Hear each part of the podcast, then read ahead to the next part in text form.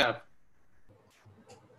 אוקיי, בומר, אה, בוקר טוב, אה, שבוע טוב, אהלן אלי. שלום, שלום. שלום, שלום. אה, אנחנו פותחים בבשורות, כרגיל בארצות הברית, לא הכי עליזות. אני קראתי הבוקר שמספר המתים מקורונה חצה את ה-140 אלף איש. אפשר לומר ככה באופן קצת אירוני, שאם יש משהו שטראמפ צדק בו, בתחזית שהוא נתן כבר לפני כמה חודשים, זה מספר המתים. אני זוכר שהוא הזהיר שעד אוגוסט יהיו, כמה זה היה? 150 אלף? לא זוכר. אבל אתה חשבתי שאתה הולך להגיד, אני לא יודע אם אתה זוכר, אבל היה את הנאום inauguration של טראמפ. אני זוכר, הייתי באולפנים בשביל זה. וזה היה נאום מאוד מאוד חריג בשביל נשיאים. בדרך כלל נשיאים, ברגע הזה, הם נותנים איזה נאום של תקווה, ואיך שהכל הולך להיות מדהים, ו, אה, וטראמפ נתן, הוא עשה את זה גם בקונבנצ'ן, האמת היא, שהוא קיבל את ה... כאילו, לפני שהוא ניצח בבחירות, שהוא ניצח רק בפריימריז, והוא במקום זה נתן נאום מאוד אפל, דיבר על American Carnage, אני לא יודע איך אפילו מתרגמים את המילה הזאת, איזושהי אתה יודע, הכל חשוך, הכל, הכל נורא, כלומר, אה, אה, במובן הזה, חשבתי שאתה הולך לכיוון הזה שטראמפ אה,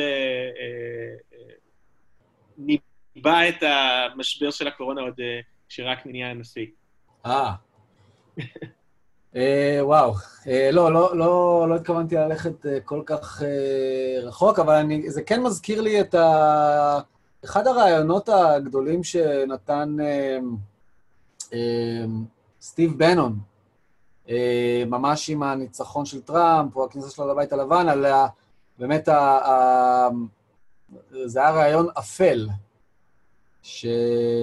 כן, כן, זה, זה, זה הכל בא מבנון, הצד הזה של ה... כן, כן. הוא כאילו ה Dark Knight של ה... כן, אבל, אבל כמו אצל טראמפ, גם בנון הוא היסטוריה. אה, וברשותך אני אלך אה, להווה אה, של הבוקר, ה morning briefing. אה, מה שאני עושה זה פשוט, אתה יודע, פותח בגוגל, כותב טראמפ, וזה נותן לי את תמונת המצב של אמריקה, פחות או יותר. אז ה morning briefing של היום הולך ככה. מדינת, סליחה, העיר פורטלנד פועלת נגד המשטרה החשאית של טראמפ, אנחנו נדבר על זה בהמשך. טראמפ אומר שהוא לא מתכוון לדרוש מאזרחי הברית לעטות מסכות, הוא אומר, אני רוצה שתהיה להם חירות מסוימת, וזה מגיע איזה שבוע אחרי שהוא אה, לראשונה בציבור אה, עטה מסכה, ופתאום כמובן אה, הוא הכחיש אה, שאי פעם הוא יתנגד למסכות. והדבר השלישי זה שאמריקאים, מסתבר, התחילו לצאת למסיבות אה, קורונה. שבהם אה, האתגר הוא אה, מי נדבק ראשון. וכבר קראתי שאיזה גבר בן 30, כנראה עם מחלת רקע רצינית, הלך למסיבה כזאת, נדבק בקורונה, ומת. אמ, אז זה כזה ה morning briefing, אבל מעל כל זה, הבוקר בניו יורק טיימס מפרסמים שממשל טראמפ מתכוון אה, או מנסה לפחות לקצץ בתקציבים אה, של אה, בדיקות ומעקב של התפשטות הקורונה בארצות הברית. אתה רוצה קצת ככה להרחיב בעניין הזה? כן, אז שני דברים. אחד, אני לגמרי הבנתי למה היית מתכוון, אבל צריך להיזהר מלהגיד, אתה יודע, שמכניסים טראמפ בגוגל וזה מה שקורה באמריקה. אני חושב שכיום אה, להציג את ארצות הברית, אה, אתה יודע, שכל הבעיות שלהם של טראמפ, וטראמפ הוא בעצם המקור, אם רק נחזור לעולם לפני טראמפ, הכל יהיה, אני יודע שזה כמובן לא מה שאתה, אבל מתכוון, אבל... כן.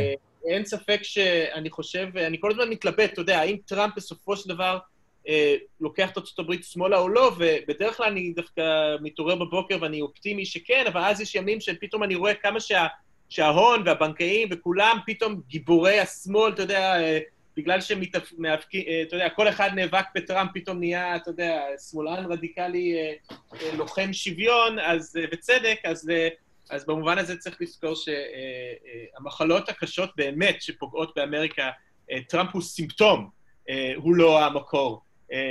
אז זה רק לגבי זה, אבל לגבי הניו יורק טיימס, מה שמעניין בכתבה הזו, ומדובר באמת בניסיון של טראמפ לקצץ מיליארדים אה, מטיפול בקורונה. אגב, זה, חוז, זה, זה די צפוי, אם אתם זוכרים לפני איזה שבוע, אתה הזכרת את זה פעם בפרק הקודם, נראה לי, לפני שבועיים שדיברנו, על זה שטראמפ הבין שאם יהיו פחות בדיקות, אז יהיו פחות חולים. אז, אה, אז טראמפ כבר... אה, אגב, היה גם ניסיון כנראה לפני אה, שבוע, שבועיים, לנסות להשתלט על המנגנון בכלל שסופר את מח, מח, מספר החולי קורונה. כלומר, אני חושב ש... טראמפ הוא בן אדם שמאוד מודע לכוח של סטטיסטיקות ומדדים, והוא כל הזמן רצה שהבורסה יהיה כאילו המדד של הנשיאות שלו, ועכשיו הוא קולט שהמדד של הנשיאות שלו זה חולי קורונה ביון, והוא כל הזמן עכשיו לדעתי מנסה to game the numbers, אתה יודע, לנסות uh, לעוות את המספרים כדי שהוא יכול, uh, אתה יודע, כי אחרת הוא כל הזמן מאבד את המלחמה במדיה, כי כל יום יש עדכון חדש, שיא חדש, שיא חדש, ואמריקאים בכלל מאוד אוהבים כזה כתורות של שיאים חדשים, זה מאוד כן. אמריקאי, לספור כן. דברים, ואז להגיד, שיא חדש, ויומיים אחרי כן. זה, שיא חדש, וזה גם קשור לעצלנות של המדיה, שהיא לא יודעת כאילו מה לעשות, אז... אבל uh, uh, מה שמעניין במקרה הזה, זה שהאנשים שנתנו את המיליארדים האלה, שרוצים לתת את המיליארדים האלה לפתור את הבעיות של לנסות לטפל בקורונה, זה רפובליקאים בסנאט, זה לא דמוקרטים. כלומר, פה טראמפ אה, נלחם עם הרפובליקאים, והרפובליקאים מאוד מאוד מאוד כועסים. הם חושבים שזה טירוף מה שטראמפ עושה, שהוא מקצץ, הוא רוצה לקצץ בטיפול בקורונה, הם חושבים שזה ממש, אה, אה, אתה יודע, ש, שהוא מנותק לגמרי, ואם הרפובליקאים בסנאט, שאני מניח שכמעט כולם מולטי מיליונרים, אם הם אומרים שאתה מנותק, אז כנראה שבאמת יש לך בעיה. אה, וזה בעצם מביא אותי לאיזשהו, אתה יודע, עניין שחיכיתי לזה. כל הזמן, אתה יודע, עם הירידה בסקרים, ואגב, המצב לא משתפר, המצב של טראמפ רק מחמיר, כל הזמן יש סקר חדש שמראה שהמצב רק מחמיר, מתי בעצם הרפובליקאים יתחילו להבין שאולי אה, הם אה, קשרו את גורלם לספינה טובעת, ואין ספק שפה יש לנו כבר, זה ברור, חיכוך, ויכוח מאוד מאוד רציני שהוא פנים רפובליקאי לחלוטין, הדמוקרטים יושבים אחורה והם מחייכים, אה, ויהיה מעניין לראות אם בסוף אה, טראמפ יקבל את הדברים האלו. לא, הניחוש שלי שהוא לא יקבל. הניחוש שלי ש, שגם פה, טראמפ התגלה כבר מזמן כבן אדם שלא ממש מצליח ככה אה, ליצור את מציאות שהוא בהכרח רוצה בקונגרס, כלומר, הוא לא מחוקק חוקים, הוא לא מעביר חוקים. אז, אז הניחוש שלי זה שגם פה ייפול, אבל, אבל לדעתי יותר חשוב מעצם ה... העניין ההזוי הזה שבשיא של המגפה הזאת טראמפ רוצה אה, לקצץ, שזה, אתה יודע, בינינו לא כזה מפתיע שאנחנו יודעים איזה אה, אה, נרסיסיסט סוציופט הוא, אז, אז, אבל, אבל מה שכן מעניין פה זה, זה הוויכוח עם הרפובליקאים. כן, אבל מה, מה, מה ההיגיון לקצץ עכשיו, אפילו מבחינת הנראות? אתה יודע, זאת אומרת... פחות בדיקות. פחות לא, בדיקות, פחות חולים. אבל מה אתה משדר? פחות בדיקות, פחות חולים. הוא יכול להגיד, אם הוא, אם הוא מקצץ בבדיקות, אז שבוע אחרי זה זה יורד ל-50 אלף חולים, ואז טראמפ יוצא בפוקס ניוז ואומר, יש רק 50 אלף חולים, אנחנו במגמת ירידה. זה חוזר לדיון שהיה לנו בהתחלה, שהטעות הכי גדולה של טראמפ היה שהוא הודה בקורונה. לא, לא יודע, זה, זה נראה לי פשוט, בנקודת הזמן הנוכחית, זאת אומרת, קודם כל, ברור לגמרי שיעלו עליך, כן? זאת אומרת, אה, העיתונות תפיץ את זה, אוקיי? מה זאת אומרת שיעלו עליך? נדן, זה נרטיב. טראמפ מאמין רק בנרטיבים. המספרים האלה הם נרטיב. אם הוא משנה את המספרים, הוא משנה את הנרטיב. It's really simple. אגב, הוא לא טועה לגמרי. הוא לא טועה לגמרי. זה, זה, זה, זה, זה אכזרי ו, ומזעזע וסוציופטי, אבל בקטע מקיאוולי, אתה יודע, המספרים האלה הם מאוד, הם, הם, הם ש... כרגע הם שואבים ממנו את כל החמצן. מה הדבר הראשון שאמרת שהתחלת את ההקלטה הזו? דיברת כן. במספרים. הרוגים. אבל דיברתי על מספר המתים, אתה יודע, מתים אי אפשר נכון. לזייף, גם עם אה, בדיקות. אה, אה, אני לא בטוח, תשמע, פה אנחנו באמת, אין לי מושג. קודם כל, אתה צודק לגבי מספר המתים, למרות שהשיח בעיקר היום בארצות הברית זה פחות, כי באמת מספר המתים לא... אתה יודע, אנחנו בערך מתייצבים על איזה אלף ביום, כלומר, זה לא שהמספרים... אבל השיאים, וזה מה שכל הזמן בתקשורת, זה עוד יום נשבר שיא, עוד יום נשבר שיא, זה בעיקר המספר החולים. ו, ו, ואגב, אני גם לא בטוח, אתה יודע, בעולם, אה, אתה יודע, דפוק של טראמפ, אז כן. גם ימותו הרבה אנשים, ואז פשוט הוא יגיד, לא, הם מתו מזה שהם היו שמנים, או הם מתו מזה שהם היו חולים. אתה יודע, גם, כנראה שבהרבה מדינות אנחנו לא או סופרים... הם, אה, הם מתו כי הם לא נזהרו. אה, כן, כן. כלומר, אבל, אבל היכולת שלו להשתלט על הנרטיב, טראמפ לדעתי חושב, ואני לא, לא חושב שהוא לגמרי טועה, זה פשוט חולני, אבל להשתלט על הנרטיב כרגע זה להשתלט על המספרים, ולהשתלט על המספרים אומר שצריך לקצץ ב-CDC, בתקציב שלהם לבדיקות ודברים כאלה. אוקיי, אז אה, אני אהבתי מבט על אה, מפת הקורונה של אה, ארה"ב, אוקיי. אה, ובינתיים הקורונה משתלטת על הדרום, שזה, אתה יודע, המעוז של ה base של טראמפ. אתה ממש רואה, ב- יש מפה מעולה של ניו יורק טיימס, איך כל ה- ה- אה, הנגיף ממש מתמקד בדרום אה, הברית, פלורידה ומערבה, אה, והמספרים שם באמת מזנקים בכמויות מטורפות. גם נזכיר שפלורידה נחשבת למדינה של הקשישים. עכשיו, אז קודם כל, אני תוהה, יש, יש לי שתי שאלות. אחת, אה, מבחינה בריאותית, זאת אומרת, ידוע שמדינות הדרום, אלה המדינות העניות ביותר, אה, ובהתאמה, אני מניח, גם אה, רמת הבריאות של הציבור היא הנמוכה ביותר, תוחלת החיים וכיוצא באלה. כמה זה באמת, א', הולך להשפיע פשוט בשבועות, חודשים הקרובים, זאת אומרת, מבחינת כמות המתים, וב', האם ועד כמה זה הולך להשפיע על מידת התמיכה בטראמפ במדינות כאלה, כשאולי, האם יש מדינות בדרום שיכולות בנובמבר אה, לבחור אה, בביידן אה, ברוב אה, קטן?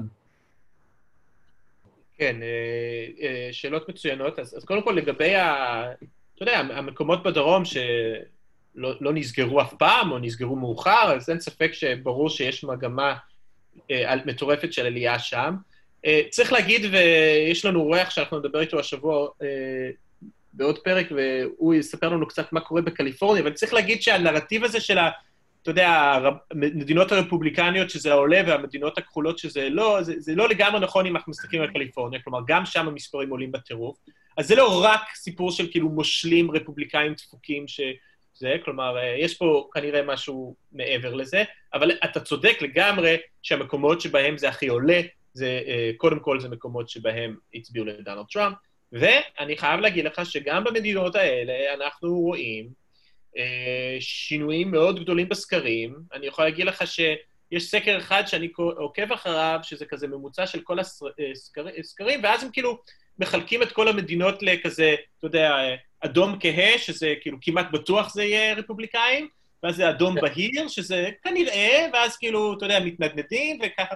אז קודם כל, פעם ראשונה, אה, בשבועות האחרונים, פעם ראשונה אי פעם, הכמות, כאילו, הניצחון של ביידן הפך להיות ניצחון שהוא אה, לחלוטין כחול כהה וכחול בהיר. כלומר, הוא לא צריך בכלל מדינות מתנדנות כרגע, כלומר, יש לו כבר איזשהו גוש כזה שנראה שהוא לוקח, כאילו, בלי בכלל, כאילו, אה, איזשהו סימן שאלה של מדינות מתנדדות, שזה כמובן בגלל שכל מיני מדינות, מדינות שכמו פנסילבניה הפכו להיות כחול בהיר, כלומר, אה, אבל אתה צודק לגמרי גם שאני יכול להגיד לך כבר עכשיו שבמסדרונות. ה-DNC הם כבר uh, חולמים על, על טקסס, ואגב, מעניין שטקסס, יש עכשיו ביקורת מאוד גדולה, וכמובן פה העניין הוא לא רק הבחירות, אולי אפילו יותר חשוב מהבחירות, העניין הוא הסנאט.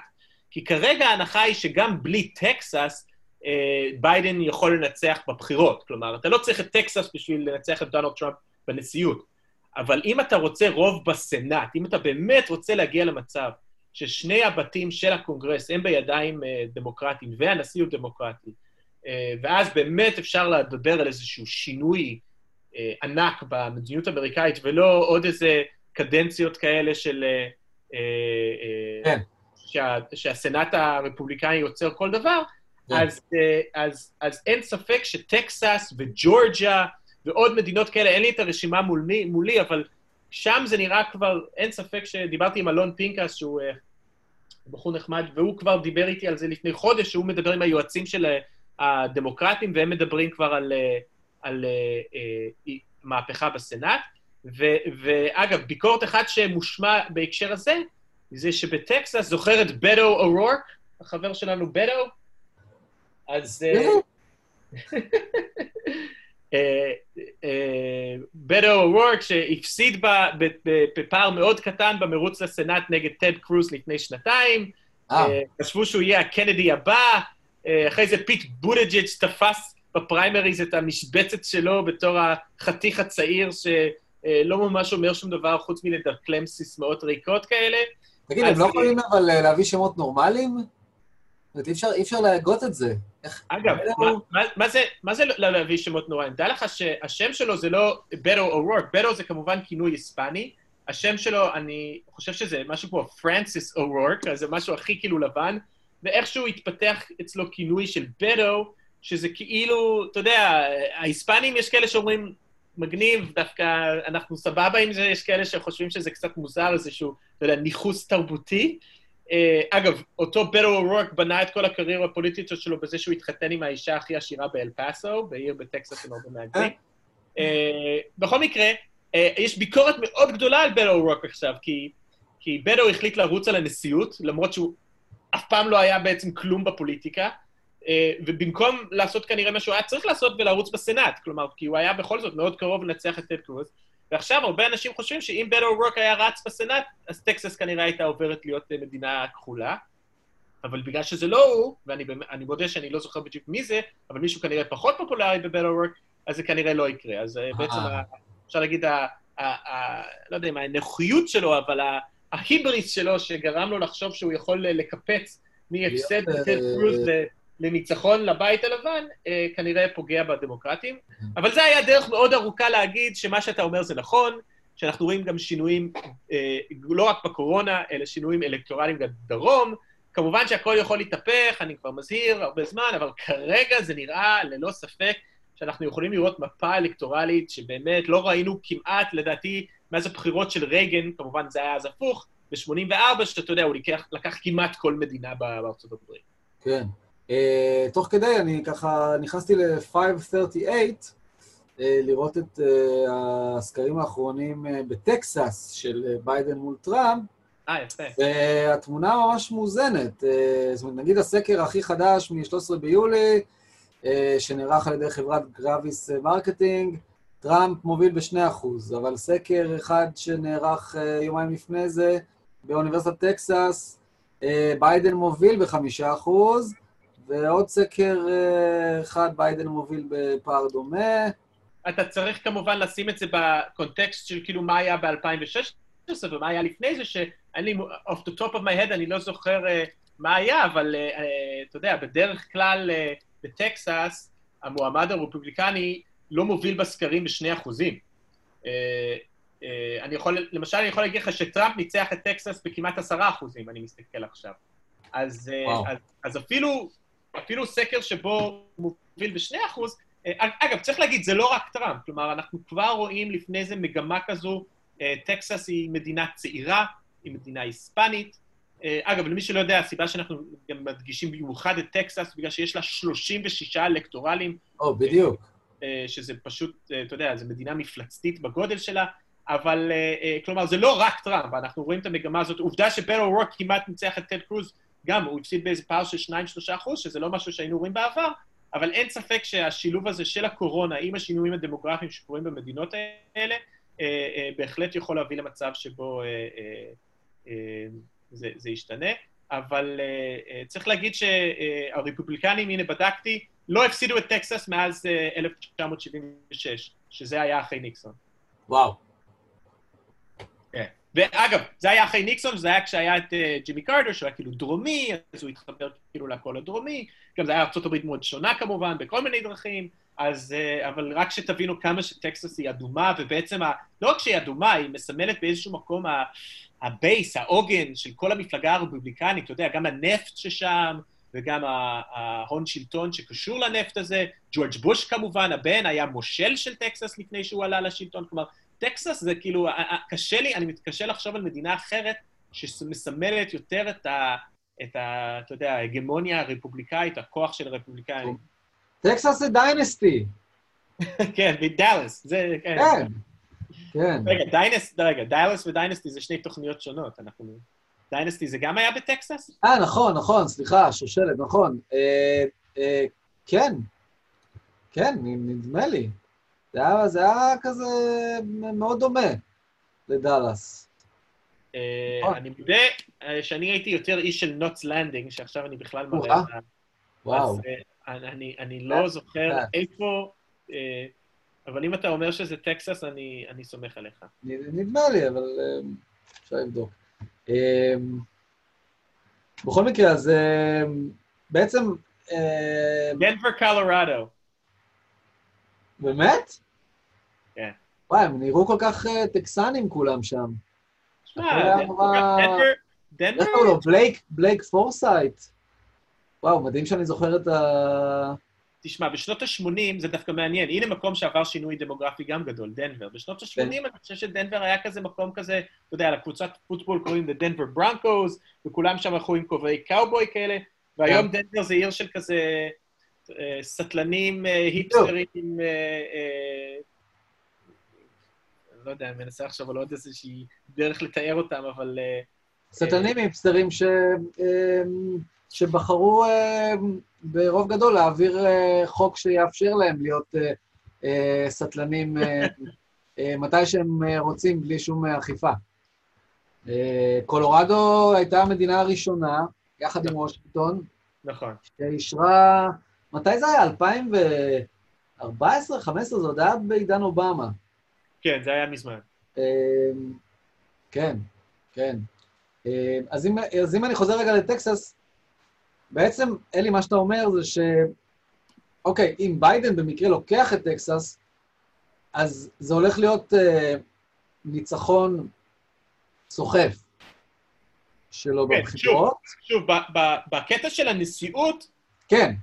זה לא חשוב כל כך. יש, יש משהו שמדברים אה, עליו בבחירות, שמדברים על ה-tipping point state, כלומר, המדינה שנותנת לך את הניצחון. כן. וההנחה אצל אה, רוב ה... אתה יודע, האסטרטגים זה שאם זה מגיע למצב שביידן לוקח את טקסס, זה אומר שהוא כנראה לקח גם את פנסילבניה ואוהיו וכל מיני מדינות יותר צמודות, כלומר, הוא לא באמת צריך את טקסס. Uh, למרות שיש אחרים שכן יגידו לך שאולי טקסס צריכה להיות ה... אתה יודע, אולי הוא צריך לוותר על להשקיע למידווסט הזה, שאנחנו כל הזמן מדגישים, חגורת החלודה, אה, וכן לנסות, אה, למרות שזה דיון שהיה יותר, כאילו, אתה יודע, לפני הקורונה, שאנשים לא ידעו מה יהיה, וחשבו ש, שצריך למצוא איזו אסטרטגיה חדשה לנצח את טראמפ, אבל, אבל צריך להגיד שלדעתי החשיבות יותר של הדרום זה באמת העניין של הסנאט יותר. אה, אבל שוב, אין ספק שהמנדט שג'ו ביידן יקבל, ועוד שמעט, עוד מעט אפשר לדבר קצת על ג'ו ביידן, כי היו קצת דברים בשבועות האחרונים, אבל המנדט שג'ו ביידן יקבל אה, יהיה, אתה יודע, מן הסתם הרבה יותר משמעותי אם הוא, אתה יודע, מסיים עם איזה 350 אלקטורים. כן, כן. אה, ואגב, בטקסס, טקסס היא עכשיו, אה, מה שנקרא, ב-cases per capita, מספר כן. הנדבקים החדשים אה, לפי פר נפש, היא המדינה החמישית אה, הכי גבוהה. כן, האמת היא שהמצב שם מאוד קשה, אבל מצד שני, אני זוכר כבר לפני שבועיים שקראתי כתבה על זה שהבתי חולים בהיוסטון אה, אה, מזהירים מזה שנגמרים להם המכונות הנשמה, ו... אבל, אבל לא יודע, אצלי עדיין אחת התעלומות, ואף אחד לא הצליח לשכנע אותי, אחת התעלומות הגדולות מבחינתי, זה למה אנחנו לא רואים מספרי תמותה יותר גבוהים. ואני כמובן שמח שאנחנו לא רואים, אבל זה לא לגמרי מתחבר לי. אני מכיר את כל הסיבות שכולם מספרים, שיש שיפור בטיפולים, ובעצם המספר החולים עלה, אבל הרבה מהם אה, הם צעירים יותר, וזו דמוגרפיה אחרת, ו... וכולי. אגב, לא הרבה אנשים חושבים שהווירוס עצמו השתנה. אני לא מומחה לקורונה, אני רק יודע שלי זה עדיין מוזר שאנחנו כבר uh, שבועות רואים הרבה יותר מרק השבועיים, שלוש, שבדרך כלל אומרים שצריך לחכות. אנחנו כבר, אה, לדעתי, מעל חודש אה, במגמה החדשה הזאת בארצות הברית של, אתה יודע, אה, וצריך להגיד, ארה"ב אף פעם לא ירדה מתחת ל-20 אלף חולים ביום חדשים. כן. אבל עדיין, אנחנו כבר, לדעתי, שבועות על גבי שבועות במגמת עלייה, ו- ולא רואים מגמת עלייה משמעותית מאוד, שזה כמובן חדשות מעולות, אבל זה קצת תעלומה, אני, אני לא יודע, אני, זה גורם לי לחשוב שאולי אולי אנחנו לא צריכים לדאוג שפתאום יבוא איזה באמת משהו אפוקוליפטי, או שאולי זה יקרה בחורף, אני לא יודע. בדיוק, זאת, זאת, יש לי השערה מאוד מאוד כללית, אה, שאומרת פשוט שבגלל שעכשיו קיץ, אה, אז הטמפרטורות נוחות אה, לעומת אה, חורף בארצות הברית, בהרבה מוקדים, ש, שבו באופן טבעי אנשים שהם אה, חלשים, הרבה יותר פגיעים לפני הכל בגלל הקור. אה, אבל uh, נשאיר את זה למומחים. Uh, ואגב, באמת, המשך ההתפשטות של הקורונה, אז תשמע, יש במפה של ניו יורק טיימס ככה, מספר המדינות שבהן המקרים החדשים נמצאים בעלייה, 40.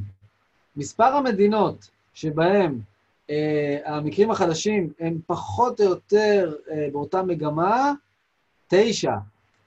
האם תוכל לנחש מי המדינה היחידה שבה מספר המקרים החדשים נמצא בירידה? מה, ככה ב... ב... הוואי, הוואי. כי שם הכי חם. לא, גם אמרתי, הוואי זה אי, זה רחוק, הם גם אנשים כן. פרוגרסיביים שישימו מסכות. כן. 아, או, זה או ניו יורק, ואז זה פשוט כי המספרים היו כאלה גבוהים, אז זה כאילו יש מגמת ירידה. כן. אז uh, יש מקרים כאלה, אתה יודע, שאומרים uh, כזה, המזל הולך עם המנצחים, או כל מיני סימנים כאלה מקדימים, אז גם במקרה הזה, המדינה היחידה שבה מספר המקרים החדשים נמצא בירידה, זאת המדינה של ג'ו ביידן, דלאוור. כן, עכשיו... כן, מדינה לא גדולה, גם שנמצאת סמוך למדינות, אתה יודע, סך הכל היא גם די קרובה לניו יורק, ולמדינות אחרות שנפגעו קשה. אתה יודע שדלוור זה המדינה אולי הכי מרושעת מבחינה ניאו-ליברלית, נכון? אתה מכיר את הקטע עם ה... אני מכיר אותה גם מזווית נוספת. אה, נכון, אתה בילית הרבה זמן בדלוור. בדיוק, בזכות משפחת דופונט. שממש אונס דלוור. כן, וגם ביחס למה שאמרת, זה, זה כל חוקי שם, שדלוור בעצם מהווה סוג של מקלט מס בתוך ארצות הברית. אז לא מקלט מס, אבל...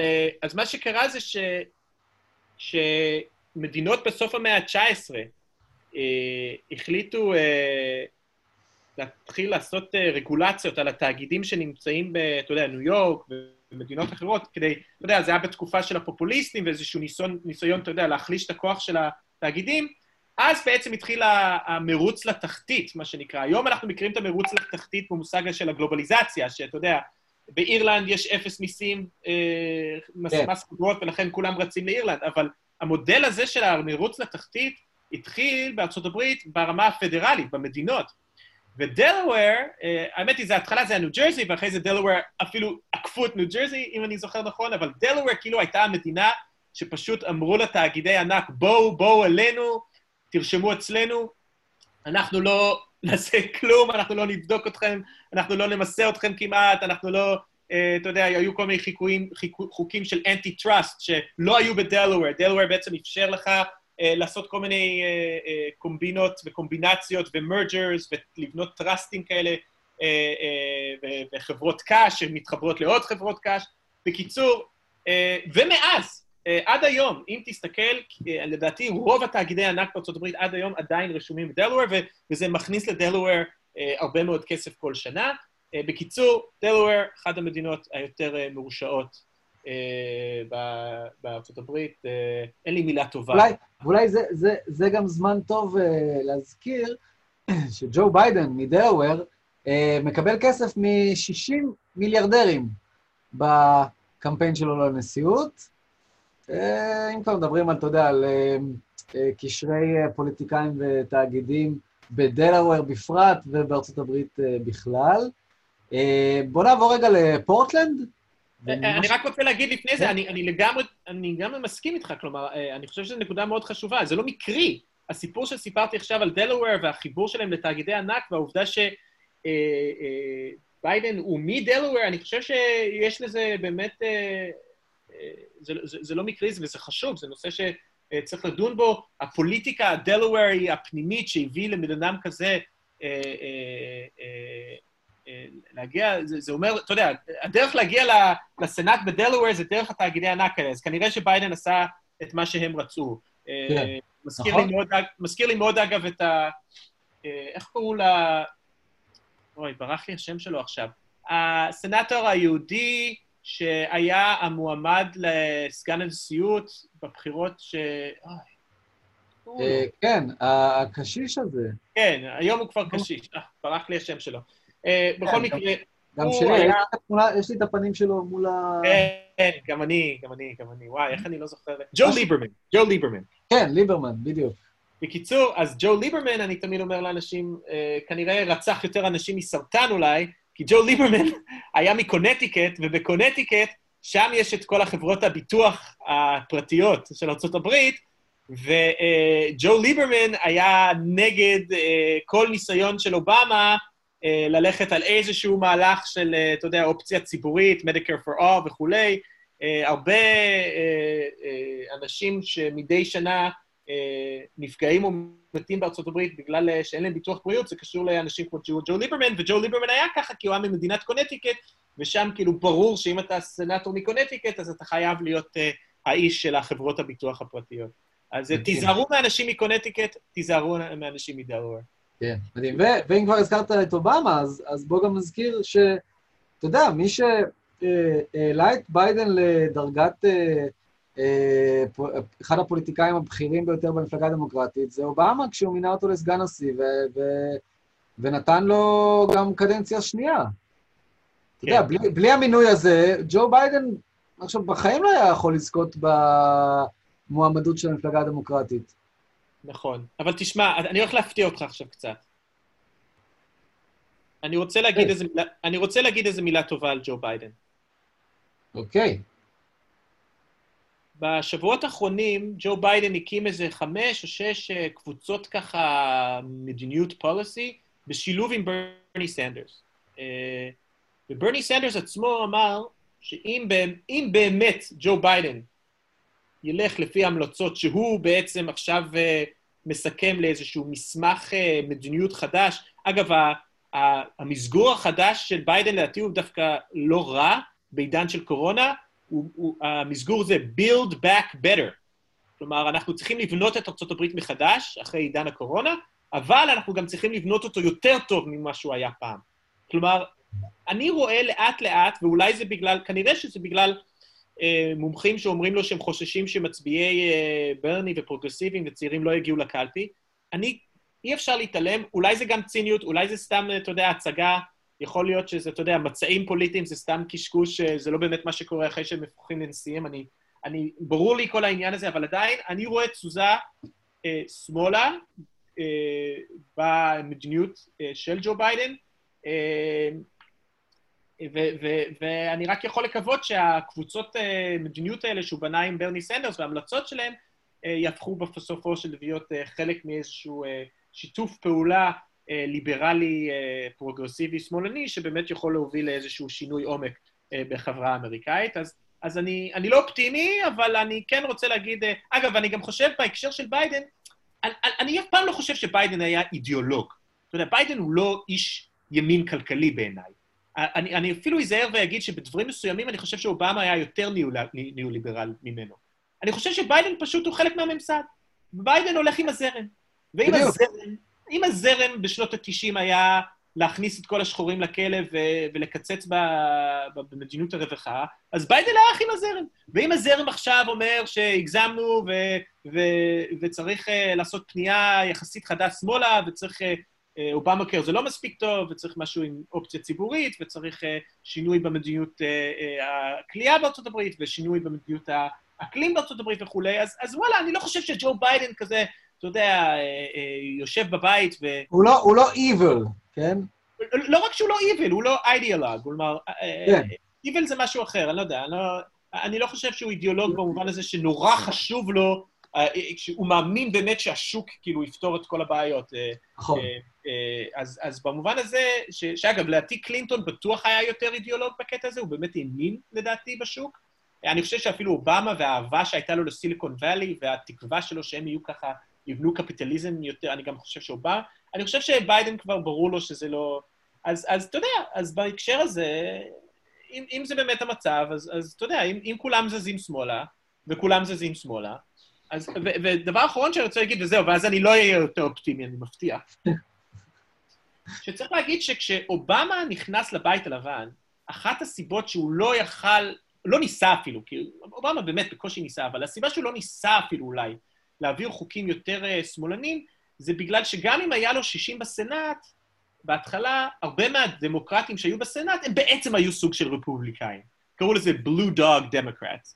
אתה יודע, זה, זה היה איזו תוכנית של קלינטונים ואחרים בשנות ה-90, בשנות ה-2000, בואו נריץ מועמדים כמעט רפובליקאים במדינות אדומות מאוד, ואז ננצח את המדינות האלה. למרות שבפועל האנשים האלה לא באמת בכלל. ואז היה את הבעיה שהגיע הרגע, אתה יודע, לעשות policy, ובן נלסון מנברסקה וג'ו ליברמן שהזכרתי מקודם, וכל מיני אחרים, לא באמת יכלו uh, לתמוך ולא רצו לתמוך. ו, uh, והסיבה שאני אומר את כל זה עכשיו זה שאני uh, מסתכל עכשיו מי המועמדים הכחולים במדינות uh, uh, כמו טקסס, כמו מונטנה, המדינות האדומות האלה, ולפי מאמר שקראתי uh, דווקא של עזרא קלייני השבוע, הוא דווקא מראה ש, שהם לא בלו דוג דמוקרט יותר, כלומר, גם במדינות האלה, המועמדים הדמוקרטיים הם פנו שמאלה, ולכן ההרגשה היא שיכול להיות שכשביידן יגיע לבית הלבן, הוא באמת יוכל להעביר חלק מהחבילות של המדיניות היותר שמאלנית, אה, בגלל שלא יהיו את הסנטורים הלכאורה כחולים האלה שהם בעצם אדומים. כן. אז אה, אני אגיד שני דברים אה, ביחס למה שאמרת. אחד, זה קודם כל, מה שאמרת על קלינטון, זה בעצם יכול להסביר את איך ממשל קלינטון, זה היה ההמשך של ממשל רייגן, רק מה שנקרא באמצעים אחרים, מבחינת. גם הדליברליזציה של השוק, ולגבי אה, ביידן, אה, מה שאמרת, אה, זה יכול להמחיש עד כמה בעצם ניתן להשפיע עליו בתוך המפלגה הדמוקרטית, ולכן, זאת אומרת, אם המחנה של ברני, המחנה הפרוגרסיבי, יש לו קול גם מבחינת כמות וגם מבחינת האיכות שלו, נכון? ויש לו את היכולת להשפיע מבפנים על אה, המדיניות של ביידן, אם וכאשר הוא יהיה נשיא, אה, אז אה, אתה יודע, בדיעבד, יכול להיות באמת, יש אה, לא מעט אה, דמוקרטים ככה שיצא לדבר איתם, שאומרים, טוב שביידן נבחר ולא ברני, אה, ואולי עדיף אה, באיזשהו מקום שהמדיניות שביידן אה, יוציא לפועל תהיה מושפעת מסדר היום האידיאולוגי של המחנה של ברני. כן, כן, לא, תשמע, אני גם, אני מאוד מאוד, אתה יודע, נזהר באמירות האלה, אבל אני קורא גם בטוויטר, כאילו, אנשים שאני מאוד מעריך מהמחנה כזה של אליזבת וורן ומהמערכת של ברני סנדרס, והם אומרים כאילו שההרגשה שלהם היא שהם עכשיו מייצרים את הרעיונות, כאילו, של, ה- של, ה- של המפלגה. כלומר, ש- שיש איזשהו משבר, אפשר להגיד, מחשבתי אולי, בממסד הניאו-ליברלי, הם, הם לא כל כך, אתה יודע, הם ניסו את כל האובמה קרים ואת כל התוכניות האלה, ו, ו, ובאמת יש איזשהו ואקום אולי מחשבתי, ו, ו, ולכן נראה לפחות על פניו שבאמת יש uh, עניין אמיתי של uh, uh, אנשים כמו ביידן uh, לפנות ל... לאנשי מדיניות שמאל, ו- וכאילו, אתה יודע, להפוך אותם כאילו לאיזשהו מקום למקום שבו מייצרים את הרעיונות של, ה, של המפלגה. אז שוב, כן. אה, הכל ישתנה ברגע שביידן ינצח והמיליארדרים יצפו, אתה יודע, לקבל את התמורה, כן. אה, ו- ו- ואני לא באמת חושב שבסופו של דבר מצעים יש להם משמעות בהכרח, אבל, אבל עדיין אני כן חושב ש... שיש פה איזשהו משהו שאפשר להתעלות עליו לפחות אולי איזושהי מידה של אופטימיות, אחרי האכזבה כמובן המאוד גדולה בזה שוורן וברני לא ניצחו את ביידן. אגב, אה, אלי, אם אה, הדמוקרטים ייקחו גם את הסנאט, האם העובדה שזה מעניק באמת כוח פוליטי אדיר לביידן כנשיא, האם זה יכול להשפיע משמעותית על, ה, נגיד, החוזק שלו מול בעלי הון ומיליארדרים, אה, וכשצריך, להדוף אותם. תשמע, היה, היה כתבה לפני כמה שבועות שבפגישה סגורה עם הרבה מאוד אנשים מאוד מאוד עשירים, ביידן אמר שהוא יצטרך להעלות להם את המיסים. אז, אה, אז כאילו, תשמע, אני רק יכול להגיד לך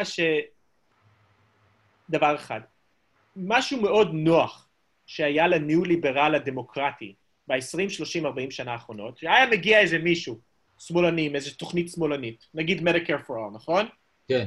ומה היה התשובה של האיש הממסד הדמוקרטי, שאגב, כנראה גם, אתה יודע, מחובר להון שלטון? לא, תקשיב, אני חושב שזה רעיון מקסים, באמת, אני, אני איתך, גם אני שמאל, אני פרוגרסיבי. אבל אתה לא פרגמטי, אין לך סיכוי להעביר את זה בסנאט עם הרפובליקאים האלה, אז מה אתה עושה? אנחנו חייבים להעביר uh, תוכנית של אובמה קוויר, שמי שלא יודע, זו תוכנית של מיט רומני וה-Heritage Foundation, שזה think tank ימני. Uh, כלומר, הרבה פעמים התירוץ, אפשר להגיד, של הניאו-ליברלים הדמוקרטיים היה שהם חייבים, אתה יודע, אם רוצים להעביר משהו, חייבים לבוא לקראת הרפובליקאים הפסיכופטיים האלה, ו... ו אז אם, אם התירוץ הזה נעלם, כלומר אין יותר את התירוץ הזה, אז, אז יהיה מאוד מעניין לראות מה... אני מניח שהם פשוט יעברו לתירוצים אחרים כמו זה עולה יותר מדי כסף, או צריך... כן. אה, אה, אה, אבל... כן. אבל... זה צעד קיצוני מדי, הציבור האמריקאי לא מוכן למעבר כזה חד. אבל אני יכול להגיד לך שכאילו הליברלים, כאילו... שגם הם, צריך להגיד, כולם עברו שמאלה בארצות הברית, גם הליברלים עברו שמאלה, אבל עבור המון הליברלים, התירוץ ל-Medicare for All זה כבר לא עניין כזה שהם לא חושבים שצריך לעשות את זה. אה, אלא ש, ש, שזה לא היה ריאלי, אפשר היה להעביר את זה, ולכן היה, היה אובמה קר. אז, אז שוב, אז, אז אני אומר שאם הפוליטיקה משתנה, אז התירוצים uh, קצת נגמרים. כן. Uh, אתה רוצה לדבר uh, על פורטלנד? כן, בוא נסיים עם פורטלנד. כן, ו- ואני אשמח uh, uh, uh, ככה uh, לגעת בכל הנושא של אנרכיסטים, על הדרך. אה, אוקיי, אז בוא נעשה את האנרכיסטים. אגב, שפורטלנד היא עיר ליברלית. כן, תשמע, אה, הסיפור עם פורטלנד, אין לי כל כך מה להגיד, חוץ מזה שמה אה, שאנחנו רואים שם זה שיש אה, אנשים, כנראה כוחות פדרליים שטראמפ שלח, שלבושים במדי צבא, לא רשום, אין להם תגיות, לא ברור מאיזה גוף הם מגיעים. כלומר, לא כתוב שהם FBI, לא כתוב שהם משטרה, לא כתוב שהם national guard, לא כתוב שהם homeland security, לא כתוב כלום, והם מסתובבים, בפשוט מיני ואנים פרטיים של unmarked cars, כלומר, בלי שום, אתה יודע, צ'קלקה, בלי שום אה, אה, איזשהו... ו, ופשוט עוצרים את המכונית, ויש סרטונים, אתם יכולים לראות את זה, ופשוט מכניסים כל מיני כאלה צעירים כאלה... אה, לתוך המכונית, פשוט חוטפים אותם. לתוך המכונית, ונעלמים כזה. כן, ממש, אתה יודע, כמו סיפורים כאלה של ארגנטינה. בדיוק, בדיוק, ממש ככה. וראש העיר כבר של פורטלנד, שכמו שציירת, קשה לחשוב על עיר יותר שמאלנית מפורטלנד. כן. אה, אה, אה, ראש העיר כבר אמר שהוא רוצה שהם יעופו משם, כלומר, כרגע אין לי, אין לי יותר מידע חוץ מזה, זה סיפור שצריך לעקוב אחריו, אבל זה סיפור מטריד מאוד, שגם מראה על הצדדים הבאמת קצת מפחידים שבכל זאת קיימים. אתה יודע, שכולם צועקים לפעמים שטראמפ פשיסט, אז אני קצת אה, מגחך לעצמו, שאתה יודע, מישהו שרואה עשר שעות פוקס ניוז ביום, אני לא יודע כמה הוא באמת איום, אבל, אה, אבל זה מפחיד, זה מפחיד. כן, כן. אז אה, עכשיו, אתה יודע, אחד ה... אחד ה... איך אני אגיד, עלבונות, או המילים הכי חזקות לתקוף את המפגינים מאז שפרצו מהומות ג'ורג' פלויד, זה לקרוא להם אנרכיסטים. אמ, עכשיו, זה גם אה, אה, עכשיו מאוד נפוץ אה, לעשות אותו דבר מצד הימין וביבי בישראל, עם מחאת השחיתות. וזה מאוד מעניין, העניין הזה של, זאת אומרת, לבוא ו, ו, ולקרוא למפגינים, שהרי בסופו של דבר מבטאים את ה, אולי הערך אה, הכי חשוב בדמוקרטיה בכלל ובדמוקרטיה האמריקאית בפרט, מבטאים את חופש הביטוי שלהם, אוקיי? לנגח אותם כאנרכיסטים, ובמקרה של טראמפ, זה, אני מרגיש שזה פועל בהפוך על הפוך בשני מקרים. פעם אחת, כי אתה אומר, רגע, איפה, איפה יש אנרכיה בארצות הברית היום? האנרכיה היא בממשל טראמפ. זאת אומרת, אנחנו עדים לאנרכיה שלטונית, לא היה כדבר הזה בתולדות ארצות הברית. ופעם שנייה זה שטראמפ בעצמו, אה, לאורך, אה, ראינו את זה לאורך משבר הקורונה, אה, מעודד אה, אזרחים אה, להתנהג כמו אנרכיסטים, אה, מעודד אותם למרד נגד המושלים או נגד ראשי ערים, רק כשראשי ערים הם, אה, או המושלים הם דמוקרטיים, וגם אה, מעודד אותם אה, לא לעטות מסכה, כי הוא רוצה שתהיה להם חירות. אה, אז אה, כל השימוש שאני מרגיש במונח הזה, הוא, אה, טוב, כמו בכלל בממשל טראמפ, הוא מעוות לחלוטין. כן, כן, כן. אה, הוא גם, שמתי לב בשבועות האחרונים שהוא גם אוהב לדבר על השמאל הפשיסטי, אז הוא כאילו מנסה גם להשתמש בביטוי הזה, אבל אני חושב שבאמת העניין עם האנרכיה זה איזשהו ניסיון לייצר את הצד השני כמישהו שיוצר בלאגן, והוא יביא את החוק בסדר, אבל כמו שאתה אמרת, טראמפ זה לא הקלף החזק שלו, אף אחד לא רואה בטראמפ איש של אה, סדר, ו... אה, ויכול להיות שגם בגלל זה הוא, אה, כנראה, זה חלק מאוד משמעותי מהירידה שלו בסקרים. אותו רצון, אתה אמרת את זה פעם שעברה, אותו רצון ליציבות, שאין מה לעשות. טראמפ, טראמפ הוא לא מוכר vision של יציבות, וזה בתקופה כמו קורונה, זה מאוד מאוד פוגע בו. כן, ואם היינו uh, צריכים, נגיד, להמר קדימה, uh, איך טראמפ בכלל uh, יכול, uh, ל, ל, בוא נגיד, לשוות uh, לציבור האמריקאי, שהוא הבן אדם שיכול להעניק להם יציבות לארבע השנים הבאות, איך הוא יעשה את זה? זאת אומרת, אה, הבורסה כבר, אה, כמו שאמרת בתחילת הפרק, זה כבר לא המדד, אנשים כבר לא, לא, לא באמת מסתכלים על זה. נכון. אמ, אז זהו, אז התוכנית שלו היא ברורה, התוכנית שלו זה להפסיק לעשות בדיקות קורונה, ואז הוא יגיד שאין יותר קורונה. אבל uh, uh, אני, אני בספק אם זה יעבוד. Uh, אתה יודע, אה, ראית שקנווי ווסט כנראה פורש? כן, זה, אני הרגשתי שזה פשוט כבר old news, אתה יודע, ה-new news הפך מאוד מהר ל-old news, וזה גם uh, שם די, אתה יודע, אני הרגשתי קצת מגוחך. Uh, ש... ברגע שראיתי את הניוז על קניה ווסט, אמרתי, וואו, לא לא... איך לא הנחתי שזה מה שזה יקרה? אתה יודע, שזה שבוע אחרי ההכרזה שלו, שהייתה ממילא מגוחכת, הוא יבטל אותה. אבל אני דווקא חשבתי שהדיון שניהלנו על זה שטראמפ צריך איזה מישהו מועמד שלישי שיבוא ויטרוף את הקלפים, אני עדיין, אה, אני עדיין חושב שטראמפ מחפש מישהו כזה, ב... למרות שהבנתי שיש פה איזה עניין בירוקרטי, שאתה צריך להחתים כל מיני אנשים מראש בשביל להגיע לכל ה... זה לא כזה פשוט. אה, כן. במיוחד אנחנו כבר בסוף יולי, אז... אבל אני, אני אישית קצת מאוכזב מטראמפ וקניה ווסט, שהם לא חשבו על הרעיון הנבזי הזה, וזה כנראה סתם היה עוד uh, שבוע בניוז סייקל של קים קרדשיאן. כן, תשמע, בתור, בוא נגיד, פרק בעלילה, שהיא נשיאות טראמפ, אה, אם זה היה קורה, וקניה באמת היה מנהל אה, קמפיין הנשיאות, זה, זה מבחינת רמת העניין, אה, סף הגירוי, כן? זה היה יכול להיות מדהים. אה, אבל אה, אולי זה גם מעיד, אתה יודע, על מידת היציבות הנפשית של אה, קניה, שמתחרה רק במידת היציבות הנפשית של טראמפ, וכל מה שנותר לי לאחל בסוף הפרק הזה, זה שמידת היציבות הנפשית של אמריקה ככלל ושל הציבור האמריקאי בפרט, תלך ותשתפר. אה, בחודשים הבאים, אה, ואני אומר את זה פשוט בנסיבות של מציאות באמת אה, כאוטית. זהו, אז אולי נסיים עם האיחול האופטימי הזה. יפה. היה פרק אופטימי. Considering. Considering.